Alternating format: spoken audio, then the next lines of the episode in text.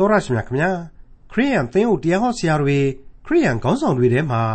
သူ့ဥစ္စာကိုခိုးလျက်လူအသက်ကိုတတ်လျက်သူ့မယားကိုပြစ်မှားလျက်မဟုတ်မမှန်ပဲကြိမ်ဆိုလျက်စာရမဏတ်နဲ့အခြားသောဘာသာအယူဝါဒတွေကိုကိုးကွယ်လျက်နဲ့ကယ်တင်ရှင်ယေရှုခရစ်တော်ရဲ့နာမတော်နဲ့သမုတ်ထားတဲ့ဗိမာန်တော်ဘုရားကျောင်းမှာဝမ်းမြောက်ဖွယ်ရာကယ်တင်ခြင်းတရားဒေသနာတော်မြတ်ကိုဟောပြောနေကြတဲ့သူတွေရှိပါသလားအခုခေတ်အချိန်အခါမပြောနဲ့ ဟိုးရှိမစွာကာလကလေးကရှိခဲ့တယ်ဆိုတာကိုတွေ့ရမယ်ခရိယန်တမန်ကျမ်းရဲ့ဓမ္မဟောင်းကျမ်းပိုင်းတွေကယေရမိနာဂတိကျမ်းအခန်းကြီး9နဲ့ခန်းကြီး10တို့ကိုဒီကနေ့သင်သိရသောတမန်ကျမ်းအစီအစဉ်မှာလေ့လာမှာဖြစ်ပါတယ်ဆိုးတဲ့သူတယောက်ကိုဒီအတိုင်းအလိုလိုက်အကြိုက်ဆောင်နေမလားဒါမှမဟုတ်ပြင်းပြင်းထန်ထန်ဆုံးမမလားဆိုတာကိုအထင်ရှားဖော်ပြထားတဲ့ယေရမိအနာဂတိကျမ်းအခန်းကြီး9နဲ့အခန်းကြီး10တို့ကိုဒေါက်တာထွန်းမြတ်အေးက အခုလိုရှင်းလင်းဖော်ပြมาဖြစ်ပါတယ်။ယေရမိအနာဂတိကျမ်းအခန်းကြီး9အငယ်1မှ4ထာဝရဘုရား၏အထံတော်ကနှုတ်ကပတ်တော်သည်ယေရမိသို့ရောက်လာ၍သင်သည်ဗိမာန်တော်တကားဝ၌ရက်လျက်ကြွေးကြော်ရမည်စကားဟုမူကား ထာဝရဘုရားကိုကိုးကွယ်ခြင်းဟာဤတကားတို့အတွင်းသို့ဝင်သောယူဒအမျိုးသားအပေါင်းတို့ထာဝရဘုရား၏နှုတ်ကပတ်တော်ကိုနားထောင်ကြလော့ဣသရေလအမျိုး၏ဘုရားသခင်ကောင်းကင်ဘိုးကြီးအရှင်ထာဝရဘုရားမိန့်တော်မူသည်ကားသင်တို့ဘာသာဓလေ့နှင့်သင်တို့အကျင့်များကိုပြုပြင်ကြလော့ တို့ပြုလျင်သင်တို့ကိုဤအရ၌ငါနေစေမည်ဤသည်ကထာဝရဘုရား၏ဗိမှန်တော်ထာဝရဘုရား၏ဗိမှန်တော်ထာဝရဘုရား၏ဗိမှန်တော်ဖြစ်သည်ဟုမှုသာစကားကိုပြောသောသူတို့၌မမိဝဲကြနှင့် မိတ်ဆွေအပေါင်းတို့ခမညာပြီးခဲ့တဲ့သင်ခန်းစာတွေဟာယေရမိရဲ့ပရောဖက်အဖြစ်စတင်အမှုတော်ဆောင်ပြီးတော့နောက်9နှစ်အတော်အတွင်းကအနာဂတ်တွေဖြစ်ခဲ့တယ်။ယောရှိဆိုတဲ့ဘုရင်ရဲ့နန်းဆန်နှစ်73နှစ်ကနေ78နှစ်အတွင်းကဖြစ်စဉ်တွေကိုကြောရောက်နောက်ခံသမိုင်းအဖြစ်တွေ့ရမယ်ဆိုပြီးတော့ကျွန်တော်တင်ပြခဲ့ပြီးဖြစ်ပါတယ်။အခုအချိန်မှာတော့အဲ့ဒီကနဦးနှစ်တို့လွန်ပြီ။ ယောရှိဟာဗိမာန်တော်မှာတန်ရှင်းလုပ်ရင်းနဲ့တန်ရှင်းလုပ်ငန်းတွေလုပ်ရင်းနဲ့ရှေးခေတ်မောရှိလက်ထက်ပြည့်ညတ်တော်တွေကိုပြန်ပြီးတော့တွေ့ရပြီးပြီ ယောရှိဘုရင်အဲ့ကျမ်းစာတွေကိုနားခံရတဲ့အချိန်မှာသူ့ရဲ့ဘိုးဘေးအပေါင်းတို့ဟာဘုရားသခင်နှုတ်ကပတ်တော်အတိုင်းမကျင့်ဆောင်ခဲ့ကြတာကိုသူသိနာလေသွားပြီဒါကြောင့်မလို့သူ့အနေနဲ့တိုင်းပြည်ကိုဥဆောင်ပြီးတော့ဝိညာဉ်ရေးနိုးကြားမှုကြီးရှိနိုင်ဖို့ရန်အတွက်အစွန်းကုန်ကြိုးစားမယ်ဆိုပြီးတော့နှုတ်ကပတ်တော်နဲ့အညီ revival လုပ်ငန်းကိုလုပ်တယ်ပြည်သူတွေကိုစီယုံပြီးတော့ဝိညာဉ်နိုးကြားမှုရှိအောင်ပြုလုပ်တဲ့အချိန်ကိုရောက်ရှိလာပြီလို့ကျွန်တော်တို့တွက်ဆနိုင်ပါတယ်ဒါအလွန်ကောင်းတဲ့အမှုတော်ပါ ဒါပေမဲ့အဲ့ဒီလို reformation တို့ revival တို့လုပ်တဲ့အချိန်မှတောင်မှဘုရားသခင်ရဲ့တန်ရှင်းမြင့်မြတ်တဲ့ဗိမာန်တော်ကိုယ်တိုင်မှာရုပ်ထုစင်တုကိုးကွယ်မှုတွေနဲ့ရောရှက်ရှုပ်ထွေးနေခဲ့တယ်ဆိုတဲ့အချက်တွေးကိုအစအနအဖြစ်တွေ့ရမှာဖြစ်ပါတယ်ဟုတ်ပါတယ်ဓမ္မရာဇဝင်စရုပ်ထစာဆောင်အခန်းကြီး23အငယ်1ကနေ4အတွင်းကိုပြန်ပြီးတော့ကြည်ပါ ထိုအခါရှင်ဘရင်သည်ယူဒပြည်သူယေရုရှလင်မြို့သားအသက်ကြီးသူအပေါင်းတို့ကိုခေါ်၍ယူဒပြည်သူယေရုရှလင်မြို့သားယေပရောဟိတ်ပရောဖက်လူအကြီးအငယ်အပေါင်းတို့နှင့်တကွဗိမာန်တော်သို့တက်၍ဗိမာန်တော်၌တွေ့သောဗြိညင်ကျမ်းစာရှိသမျှကိုသူတို့ရှေ့မှဖတ်တော်မူ၏ရှင်ဘရင်ကလည်း ထာဝရဘုရားကိုစီးကပ်ပါမည်စီရင်ထုံးဖွဲ့ချက်ပြည့်ညတ်တရားတို့ကိုစိတ်နှလုံးအကျွင့်မဲ့စောင့်ရှောက်ပါမည်ဤကျမ်းစာ၌ပါသောဗြိညင်စကားအတိုင်းကျင့်ပါမည်ဟုတိုင်နာမှရက်၍အဋိဌံပြု၏လူအပေါင်းတို့သည်လည်းထိုအဋိဌံကိုဝန်ခံကြ၏နောက်တဖန်ယေပရောဟိတ်မင်းဟိလခိဒုတိယယေပရောဟိတ်များနှင့်တကစောင့်များတို့သည် ဘာလဖျားအာရှရပင်မိုးကောင်းကင်တစားအဖို့လှုပ်သမျှသောအသုံးအဆောင်တို့ကိုဗိမာန်တော်တဲကထုတ်မိအကြောင်းရှင်ဘရင်စီရင်သဖြင့်ယေရုရှလင်မြို့ပြင်ကေဒရုန်တော၌မိရှု၍ပြာကိုဘေဒလမြို့သို့ဆောင်းသွားကြ၏အဲ့ဒီလိုတွေ့ရခြင်းဖြစ်ပါလေအံ့ဩဖို့မကောင်းဘူးလားဖျားသခင်ရဲ့တန်ရှင်းမြင့်မြတ်သောဗိမာန်တော်ပေါ်အထိရောက်အောင်ဒီရုပ်ထုစင်တုကိုးကွယ်မှုတွေဟာတက်လာခဲ့တယ်တဲ့ မိတ်ဆွေအပေါင်းတို့ကျွန်တော်ယေရမိအနာဂတိဏိဒန်းမှာကလေးကပြောခဲ့တဲ့အတိုင်းယောရှိမင်းဟာအသက်22နှစ်ခန့်လောက်မှရှင်ဘရင်ဖြစ်လာတယ်အဲ့ဒီအချိန်မှာပဲယေရမိပရောဖက်အဖြစ်စတင်ပြီးတော့အလုပ်လုပ်ခဲ့ရတယ်ယေရမိဟာသူ့တဲ့အသက်အတော်များများငယ်ပုံရတယ်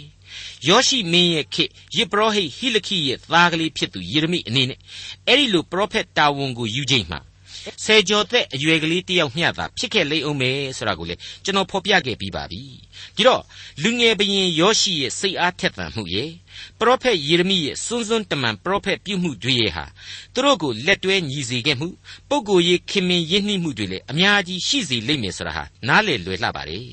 အခုယေရမိအနာဂတိကျမ်းအခန်းကြီး9အငယ်1ကနေ4အတွင်ဖော်ပြချက်တွေအရယေရမိရက်တန်းနေတာဟာဗိမှန်တော်တကဝကနေဖြစ်တယ်ဗိမှန်တော်ရဲ့အဝကနေဖြစ်မှာပေါ့သူကြွေးကြော်ရတဲ့စကားတွေကတော့တိ နှုတ်ကပတ်တော်ကိုနားထောင်နှစ်ဘာသာတလိနှင့်အကျင့်များကိုပြုပြင်သုံးဗိမှန်တော်ဗိမှန်တော်ဆိုပြီးတော့ပါဇက်ကကြွေးကြော်ရင်းနဲ့ဘုရားသခင်အလိုတော်ကိုဆန့်ကျင်နေတဲ့မှုသာဝါဒတွေကိုရှောင်ကြတဲ့အဲ့ဒီလိုဖြစ်ပါလေ ထာဝရဘုရားကိုကိုးကွယ်ခြင်းဟာဤတကားတို့အတွင်းသို့ဝင်သောယူဒအမျိုးသားအပေါင်းတို့ထာဝရဘုရား၏နှုတ်ကပတ်တော်ကိုနားထောင်ကြလော့ဣသရေလအမျိုး၏ဘုရားသခင်ကောင်းကင်ဘိုးကြီးအရှင်ထာဝရဘုရားမိန့်တော်မူသည်ကားသင်တို့ဘာသာတလိနှင့်သင်တို့အကျင့်များကိုပြုပြင်ကြလော့တို့ပြုလျင်သင်တို့ကိုဤအရ၌ငါနေစေမည်ဤသည်ကားထာဝရဘုရား၏ဗိမာန်တော်ထာဝရဘုရား၏ဗိမာန်တော်ထာဝရဘုရား၏ဗိမာန်တော်ဖြစ်သည်ဟုမှုသာစကားကို ပြောသောသူတို့နှင့်မမိဝဲကြနှင့်တဲ့ဟုတ်ပါတယ်မိတ်ဆွေအပေါင်းတို့ဝိညာဉ်ရေးနိုးကြားမှုအတွက်ကြိုးစားအားထုတ်ကြတယ်သိပြီးတော့ကောင်းပါလေဒါပေမဲ့အထက်ကပြောခဲ့သလိုရွှေမှုန်ကျဲဖြစ်နေကြတယ်ဘာသာတလိအစွဲအလန်းတွေကပိုနေတယ်အမှန်တကယ်နှလုံးသားပြုပြင်ခြင်းမရှိကြဘူးဆိုတာကိုဘုရားသခင်မိမောင်းထိုးဖော်ပြပေးလိုက်ပါလေမိတ်ဆွေအပေါင်းတို့ခမညာ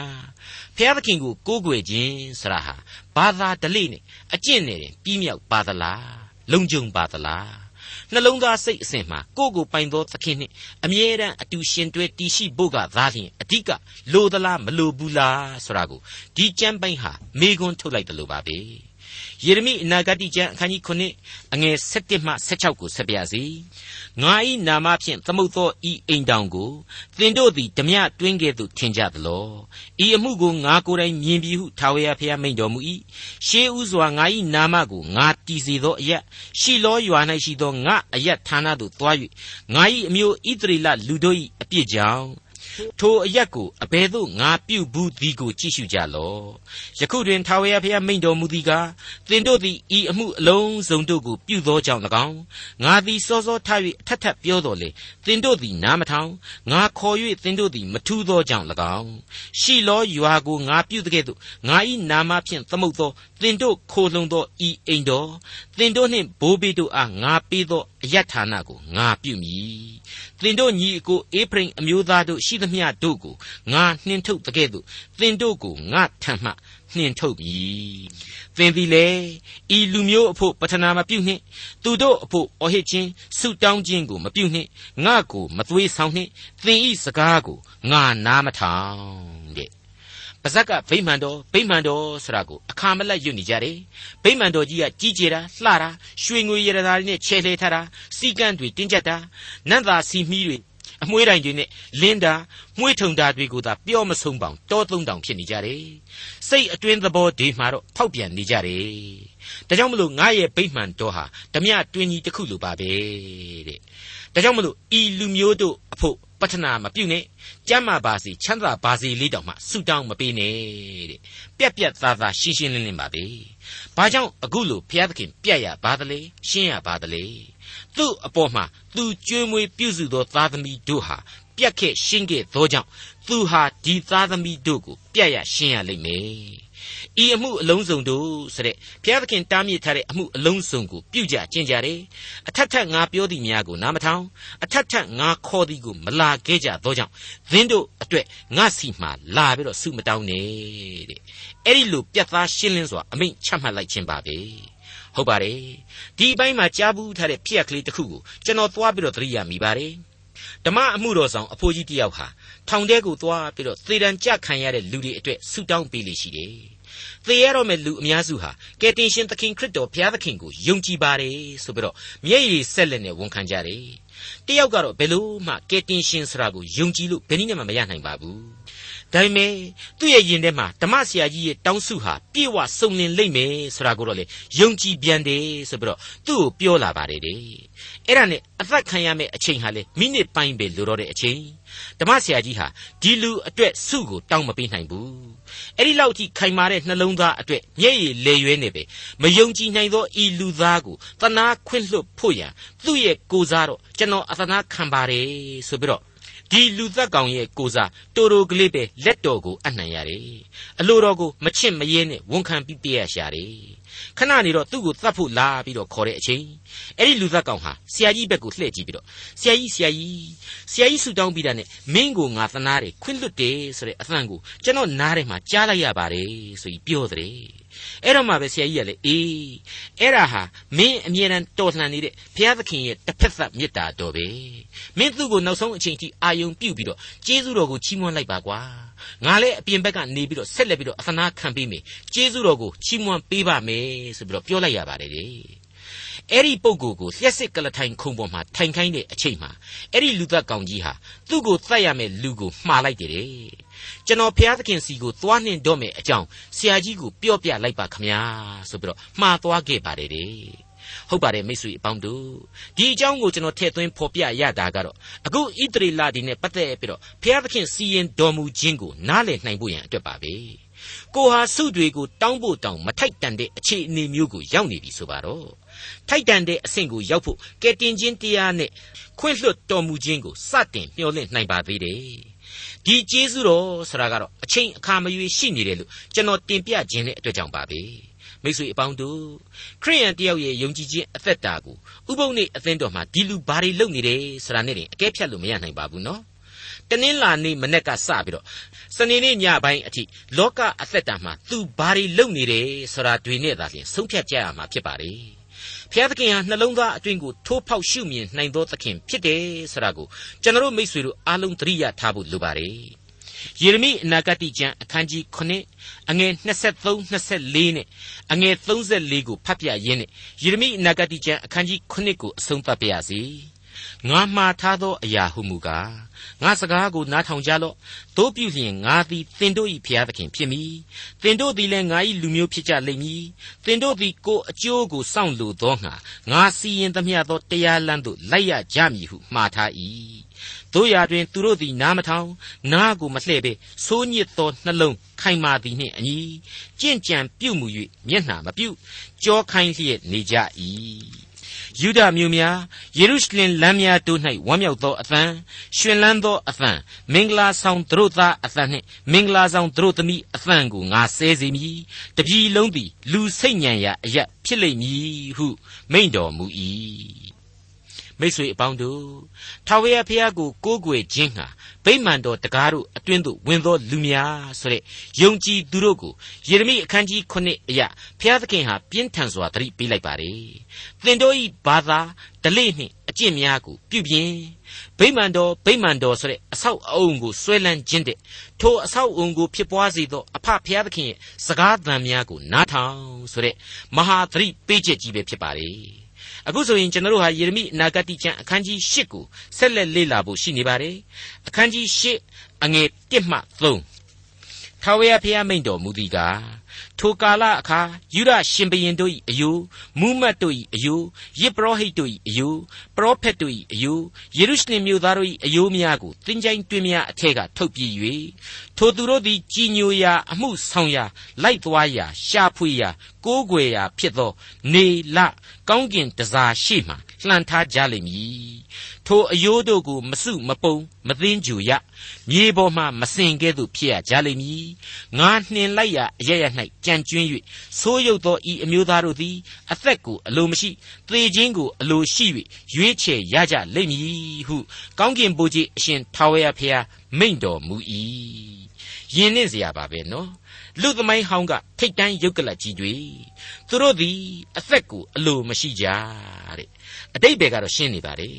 လူသမိုင်းသည်အပြစ်သမိုင်းနှင့်စစ်သမိုင်း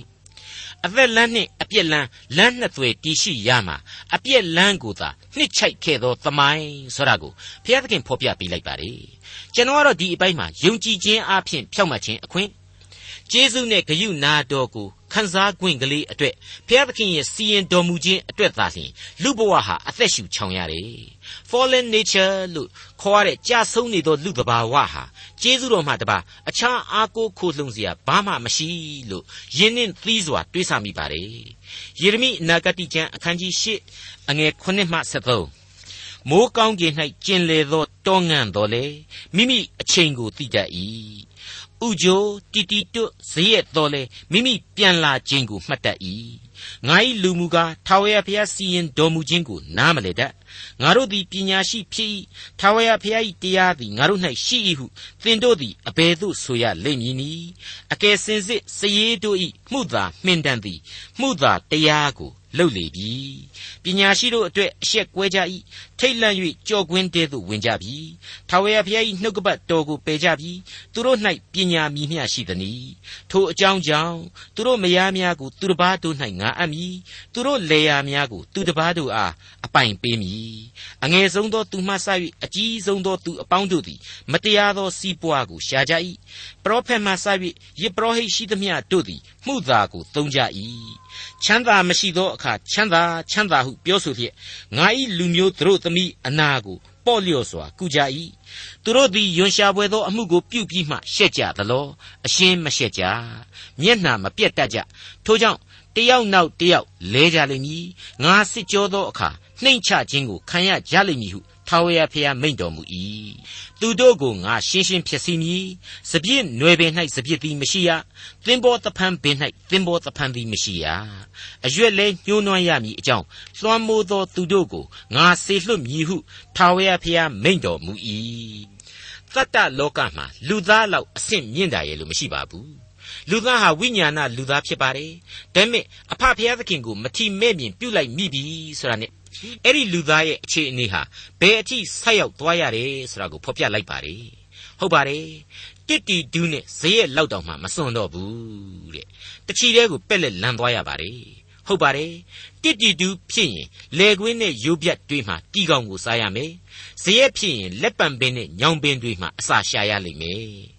အဲ့ဒီလောက်အထိနှိမ်ပါသွားရမယ်ဆိုတာကိုကျွန်တော်များလူသားအားလုံးစီကိုယေရမိမှတဆင့်ဘုရားသခင်ပြင်းထန်စွာတတိပေးလိုက်ပါတယ်မိတ်ဆွေအပေါင်းတို့ခမညာ အဲ့ဒီလူဆိုတဲ့စည်ရင်ဝင်ပြီးဆိုရင်ထိတ်ဖျားကနေအရင်ပိုင်းအထိဘသူဘသူမှအထင်ကြီးလို့မရဖောက်ပြန်တတ်သောအမျိုးအစားများသာဖြစ်တဲ့အကြောင်းကိုနည်းနည်းနည်းနည်းဖော်ပြလိုက်ခြင်းလို့လည်းကျွန်တော်ခံယူပါတယ်အဲ့ဒီလူအဖွဲ့အစည်းကိုဝိညာဉ်တော်ကသာထိမ့်ချုပ်ပေးတယ်။စာရမဏေလွှမ်းမိုးတဲ့ကမ္ဘာလောကထဲမှာရှင်သန်ဖို့ယက်တီနိုင်ဖို့ရန်အကာအကွယ်ပေးထားတယ်ဆိုတာကိုသက်သာလောနိဩဝါဒစာသင်ခန်းစာမှာတုန်းကကျွန်တော်တင်ပြရသောတမန်ကျန်အဖွဲ့ကအလေးအနက်ရှင်းလင်းပြခဲ့ပြီးပါပြီ။ အခုဆိုရင်ဘယ်နဲ့ရှိစားထာဝရဘုရား၏တရားကိုရှောက်ပြီးတော့ပြင်းတယ်နှုတ်ကပတ်တော်ကိုပယ်တယ်တဲ့အဲ့ဒါဟာတကယ်တကယ်တော့ဝိညာဉ်တော်ကိုညှင်းပယ်ခြင်းပဲဝိညာဏလူသားဖြစ်ရတဲ့ဝိညာဉ်တော်ကိုညှင်းပယ်လိုက်ပြီဆိုတာနဲ့အဲ့ဒီလူဟာဇာတိပဂရိနဲ့ဆိုင်တဲ့အရာတွေကသာခေါင်းထောင်နေကောင်းထောင်နေမယ်ဇရက်ဖြစ်သွားပြီတစ်တီလူဖြစ်သွားပြီ အဲ့ဒီလိုဝိညာဉ်တော်ရဲ့အရှိန်အဝါအဖြစ်လူသတ္တဝါဟာစာရမဏေလွှမ်းမိုးရာမြေလောကမှာယက်တည်နေကြရတယ်ဝိညာဉ်တော်ဟာတမန်တရားအဖြစ်နဲ့လူအဖွဲ့အစည်းကိုထိမ့်ချုပ်ပေးထားတယ်လမ်းပြပေးနေတယ်စာရမဏေရဲ့ယံကိုလည်းစီတာပေးထားတယ်ဒါကြောင့်မလို့အဲ့ဒီလိုဝိညာဉ်တော်နဲ့သမာတရားကိုညှင်းပယ်လိုက်မယ်ဆိုရင်ဘယ်လိုဘယ်လိုလူသားဟာဒုက္ခရောက်ကြရလိမ့်မယ်ဆိုတာကိုသက်သာလုံးនៃဩဝါဒစာဒုတိယစာဆောင်အခန်းကြီး1အတွင်းမှာကျွန်တော်တို့အခုလိုကြားနာခဲ့ကြပြီဖြစ်ပါတယ် အဘယ်သို့နည်းဟုမူကားဖွက်ထားလျက်ရှိသောထိုအတ္တမအရာသည်ယခုပင်ပြုပြင်စေရှိ၏သို့တော်လည်းစီတာသောသူသည်ပယ်ရှင်းခြင်းသို့မရောက်မီတိုင်အောင်စီတာလိမ့်မည်ပယ်ရှင်းခြင်းသို့ရောက်သောအခါထိုအတ္တမလူသည်ထင်ရှားလိမ့်မည်ထိုအတ္တမလူကိုသခင်ယေရှုသည်နှုတ်ထွက်ဝိညာဉ်တော်အားဖြင့်ဖြစ်စည်း၍ကြွလာတော်မူခြင်း၏ရောင်ချီအားဖြင့် ပယ်ရှားတော်မူလိမ့်မည်ထိုအတ္တမလူ၏လာခြင်းအကြောင်းဟူမူကားစာရန်ပြုပြင်သောအားဖြင့်မှုသာနှင့်ဆက်ဆိုင်သောထူးဆန်းသောတကူနမိတ်လက္ခဏာအံ့ပွေသောအမှုအမျိုးမျိုးနှင့်၎င်းပျက်စီးခြင်းသို့ရောက်သောသူတို့တွင်မတရားသောလှည့်ပြားခြင်းအမျိုးမျိုးနှင့်၎င်းလာလိမ့်မည်အကြောင်းမူကားထိုသူတို့သည်ကဲတင်ခြင်းသို့ရောက်အံ့သောငါသမာတရား၌မွေ့လျော်သောစိတ်ကိုမခံမယူကြထို့ကြောင့်တမန်တရားကိုမယုံဘဲမတရားသောအမှု၌မွေ့လျော်သောသူအပေါင်းတို့သည်တရားရှုံးခြင်းသို့ရောက်မည်အကြောင်းမှုသာစကားကိုယုံစိမ့်သောငါမိစ္ဆာဒိဋ္ဌိပြုပြင်အားထုတ်ခြင်းအခွင့်ကိုသူတို့၌ဘုရားသခင်လွတ်တော်မူလိမ့်မည်သို့တော်လေသခင်ဘုရားချစ်တော်မူသောညီအကိုတို့သင်တို့သည်စိတ်တန့်ရှင်းခြင်းတမာတရားကိုယုံကြည်ခြင်းအပြင်ကဲတင်ခြင်းသို့ရောက်စိမ့်သောငါဘုရားသခင်သည်ရှေးဥစွာကပင်သင်တို့ကိုရွေးကောက်တော်မူသည်ဖြစ်၍ငါတို့သည်သင်တို့ကြောင့်ဘုရားသခင်ကျေးဇူးတော်ကိုအစင်မပြတ်ချီးမွမ်းရကြမည်အဲ့ဒီလိုသက်သာလောနိတ်မှာတွေ့ကြရခြင်းပါကဲအခုယေရမိကျမ်းစာအနာဂတ်အရာလွှမ်းမိုးသောသူတို့ကိုလွတ်မည်ဆိုတာကိုတွေ့ရသလိုသက်သာလုံးនៃဩဝါဒစာအရာမိစ္ဆာဒိဋ္ဌိပြုပြင်အားထုတ်ခြင်းအခွင့်ကိုသူတို့၌ဘုရားသခင်လွတ်တော်မူမည်တဲ့အခြေခံသဘောအရာဘာများကွာခြားပါသလဲသဘောတရားရေးရာအရာဘာစုဘာမှမကွာခြားပါဘူး နှုတ်ကပတ်တော်ဟာအပြစ်လူသားအဖွဲ့အစည်းကိုဆုံးမရမှာပြည်ပြင်းတယ်ပြတ်သားတယ်ပြီးတော့စီလုံးညီညွတ်ခြင်းနဲ့ပြည့်ဝနေတယ်လို့ဒီအချက်တွေအရကျွန်တော်မြင်နိုင်ကြောင်းတင်ပြလိုက်ပါရစေယေရမိအနာဂတ်ကျမ်းအခန်းကြီး၈အငယ်14မှ19 ငါတို့သည်အဘယ်ကြောင့်ထိုင်လျက်နေကြသနည်းစုဝေးကြကုန်အံ့ခိုင်ခံသောမြို့များအထက်သို့ဝင်၍တိတ်ဆိတ်စွာနေကြကုန်အံ့ငါတို့သည်ထာဝရဘုရားကိုပြစ်မှားသောကြောင့်ငါတို့၏ဘုရားသခင်ထာဝရဘုရားသည်ငါတို့ကိုတိတ်ဆိတ်စွာနေစေ၍ဆေးကားနှင့်ရောသောရေကိုတိုက်တော်မူ၏ငါတို့သည်ချမ်းသာကိုမျှော်လင့်တော်လေကောင်းသောအရာမပေါ်လာသက်သာခြင်းကိုမျှော်လင့်တော်လေဘေးသက်သက်ဖြစ်၏သူမြင်းနှာခေါင်းရှူသံကိုဒံပီကကြားရ၏ သူ့မြင်းရဲ့ဟီသံကိုကြား၍တပြည်လုံးတုန်လှုပ်လေ၏သူတို့သည်ရောက်လာ၍ပြည်နှင့်တကွပြည်၌ရှိသမျှကို၎င်းမြို့နှင့်တကွမြို့သားတို့ကို၎င်းစား၍မြို့ကြ၏ကျွန်တော်အလွန်နှစ်ချိုက်တဲ့အပိုင်းကလေးကတော့ဆေးကားနှင့်ရောသောရေကိုတိုက်တော်မူ၏ဆိုတဲ့အပိုင်းပါပဲမိတ်ဆွေအပေါင်းတို့ ရေငတ်ဝန်းကျယောဂါဖြစ်နေတဲ့အချိန်အထက်လန်အောက်လျှောဖြစ်နေတဲ့အချိန်ခန္ဓာကိုယ်ထဲကအချိုတက်တွေအများကြီးထွက်သွားတယ်အဲ့ဒီချိန်မှာလူနာဟာချိုချိုအေးမှုမှုကလေးဖြစ်တဲ့အချိုရည်ကိုသိပ်တောင့်တာတယ်ဒါပေမဲ့ဘယ်သမားတော်ကမှအဲ့ဒီအချိန်မှာလူနာကိုဘိလက်ရည်မတိုက်ပါဘူးဇီးဖြော်ရည်မတိုက်ပါဘူးမကြီးဖြော်ရည်မတိုက်ပါဘူးဟုတ်ပါတယ်လူနာကိုချစ်ရင်လူနာကိုမသေးစေခြင်းရင်တော့သမားတော်ဟာဆေးကိုပဲတိုက်ရလိမ့်မယ် ဗိုက်ထဲကဝင်းရောဂါပိုးကိုသေစေမဲ့ဆေးတစ်ချိန်တည်းမှာအသက်မသေးဖို့ရန်ကာကွယ်တဲ့ဆေးကိုသာလျှင်တိုက်ရမှာဖြစ်ပါတယ်ဆေးကားနှင့်ရောသောရေပဲဖြစ်ပါတယ်အခုဆိုရင်ဘုရားသခင်ဟာယေရမိမှတဆင့်ဣသရေလဣသရေလမှတဆင့်သူ့ကိုပုံကန်ထောင်ထားခြားနာလိုသောလူအဖွဲ့အစည်းကိုပြောလိုက်ပါပြီသူ့ကိုကြောခိုင်းလိုသောလူအဖွဲ့အစည်းကိုသတိပေးလိုက်ပါပြီတိတ်ဆိတ်စွာနေစေ၍ဆေးကားနှင့်ရောသောရေကိုတိုက်တော်မူ၏စိတ်စိတ်နားဆင်ကြပါနော် ဆေးကားပါဝင်တာအမှန်ဒါပေမဲ့အသက်ရည်ပါဝင်နေကြောင်းကိုပါဖော်ပြပေးလိုက်တယ်ခါသီးသောဒုက္ခဆင်းရဲခြင်းနဲ့အတူအသက်လန်းကိုခံစားထိတွေ့စေခြင်းလို့အသက်စမ်းရည်ကိုပါထည့်ပြီးတော့တိုက်ကြွေးတယ်ဆိုတဲ့အဓိပ္ပာယ်ပါပဲယေရမိအနာဂတိကျမ်းအခန်းကြီး၈အငယ်20မှ22 အသီးနှံသိမ့်ရကာလလွန်ပြီ။နှွေကာလကုန်ပြီ။ငါတို့သည်ကဲတင်ခြင်းသို့မရောက်ကြ။ငါ၏လူမျိုးတို့သမီးသည်နာသောကြောင့်ငါလည်းနာရ၏။ကြမ်းတမ်းသောအဝတ်ကိုဝတ်လျက်မိန်မောတွေ့ဝေလျက်နေရ၏။ဂိလပြည်၌ဘာလဇံပင်အစေးမရှိသလောထိုပြည်၌ဆေးသမားမရှိသလောရှိလျက်ပင်ငါ၏လူမျိုးတို့သမီးသည်အဘယ်ကြောင့်အနာမှမထမြောက်သနည်းလူမျိုးတို့သမီးသည်နာသောကြောင့်ငါလည်းနာရ၏ ယေရမိရဲ့သူ့လူမျိုးတော်ကြောင့်ခံစားရသောနာကျင်ခြင်းဝေဒနာကိုဖော်ပြပေးလိုက်ပါလေ။ဒါဘုရားသခင်ရဲ့မေတ္တာသဘောကိုပြတ်သားစွာနားလည်နိုင်အောင်လို့ရောင်ပြန်ဟပ်ဖော်ပြခြင်းပါပဲ။မိတ်ဆွေတို့ကျွန်တော်တို့ဟာအဲ့ဒီလိုအပြစ်ဒဏ်ကြခံရတဲ့လူသားတို့အတွက်ဘုရားသခင်ရဲ့စိတ်တော်မှာပါထိခိုက်ရခြင်းအကြောင်းတွေကိုနှုတ်ကပတ်တော်နေရာအနှံ့အပြားမှာတွေ့ကြရပြီးဖြစ်ပါတယ်။ ဥပမာပေးရမယ်ဆိုရင်မောဘပြည်လို့ခေါင်းစဉ်တက်ထားတဲ့အပြစ်ဒုစရိုက်အဖွဲ့အစည်းမာနနဲ့ဝါကြွားမှုပေါင်းစုံရာလူအဖွဲ့အစည်းကိုငါဘယ်လိုဘယ်လိုအပြစ်ပေးမယ်ဆိုတာကိုဟေရှာယအခန်းကြီး15မှာကျွန်တော်တို့တွေ့ကြရပါတယ်အဲ့ဒီအခန်းကြီးရဲ့အလေဘဟုတဲ့တဲ့မှာတွေ့ရတဲ့အချက်ကတော့ငါနှလုံးသည်လေမောဘအဖို့ငိုကြွေး၏တဲ့အဲ့ဒီလိုဟေရှာယမှာတဆင့်ကျွန်တော်တို့ကိုဖော်ပြပေးခဲ့ပါတယ်အဲ့ဒီလိုပါပဲအခန်းကြီး16မှာကျတော့ စိဗမာစပြစ်နွယ်ပင်အတွက်ငါသည်မျက်ရည်ကျမည်။အိုးဟေရှဘုံမြို့နှင့်အေးလာလီမြို့ငါသည်မျက်ရည်ကျလျက်သင့်ကိုရေလောင်းမည်တဲ့။အဲ့ဒီအဲ့ဒီဟေရှာယအနာဂတိကျမ်းထဲမှာပဲအီဂျစ်တူရူဆိုတဲ့လူမျိုးတွေနဲ့ပတ်သက်တဲ့အပြစ်စီရင်ခြင်းတွေကြားထဲမှာလည်းပဲဒီလိုပဲဂယုနာတော်အသံတော်တို့ပါဝင်ခဲ့တယ်ဆိုတာကိုမိษွေတို့မှတ်မိနေကြစေလို့ကျွန်တော်ထင်ပါတယ်ဟုတ်ပါတယ်ထာဝရဘုရားသည်လေအေဂုတ်တုပြည်ကိုဒဏ်ခတ်၍ ခတ်ပြီးသောဒဏ်ရာကိုပျောက်စေတော်မူမည်သူတို့သည်လည်းထာဝရဘုရားထံတော်သို့ပြောင်းလဲကြသည်ကာလသူတို့တောင်းပန်ခြင်းကိုနားထောင်၍ဒဏ်ရာကိုပျောက်စေတော်မူမည်တဲ့တူရုမျိုးနဲ့ပတ်သက်တဲ့ဗျာဒိတ်တော်တွေထဲမှာကြက်တော့လေထူးထူးဆန်းဆန်းပဲအနှစ်80လွန်သောအခါထာဝရဘုရားသည်တူရုမျိုးကိုအကြည့်အရှုကြွလာတော်မူလိမ့်မည်တဲ့ ပြီးတော့မှတခါဆက်ပြီးတော့သူဤကုံသွဲခြင်းအမျက်ရခြင်းအရာတို့သည်ထာဝရဘုရားအဖို့တန့်ရှင်းလိမ့်မည်စီးဘူးတူထားခြင်းကိုမပြုရကုံသွဲသောဥစ္စာသည်ထာဝရဘုရားရှေ့တော်၌နေသောသူတို့အဖို့ဖြစ်၍သူတို့သည်ဝါစွာစား၍ခိုင်သောအဝတ်ကိုဝတ်ကြလိမ့်မည်တဲ့မိတ်ဆွေတော်တတ်ရှင်အပေါင်းတို့ခမညာ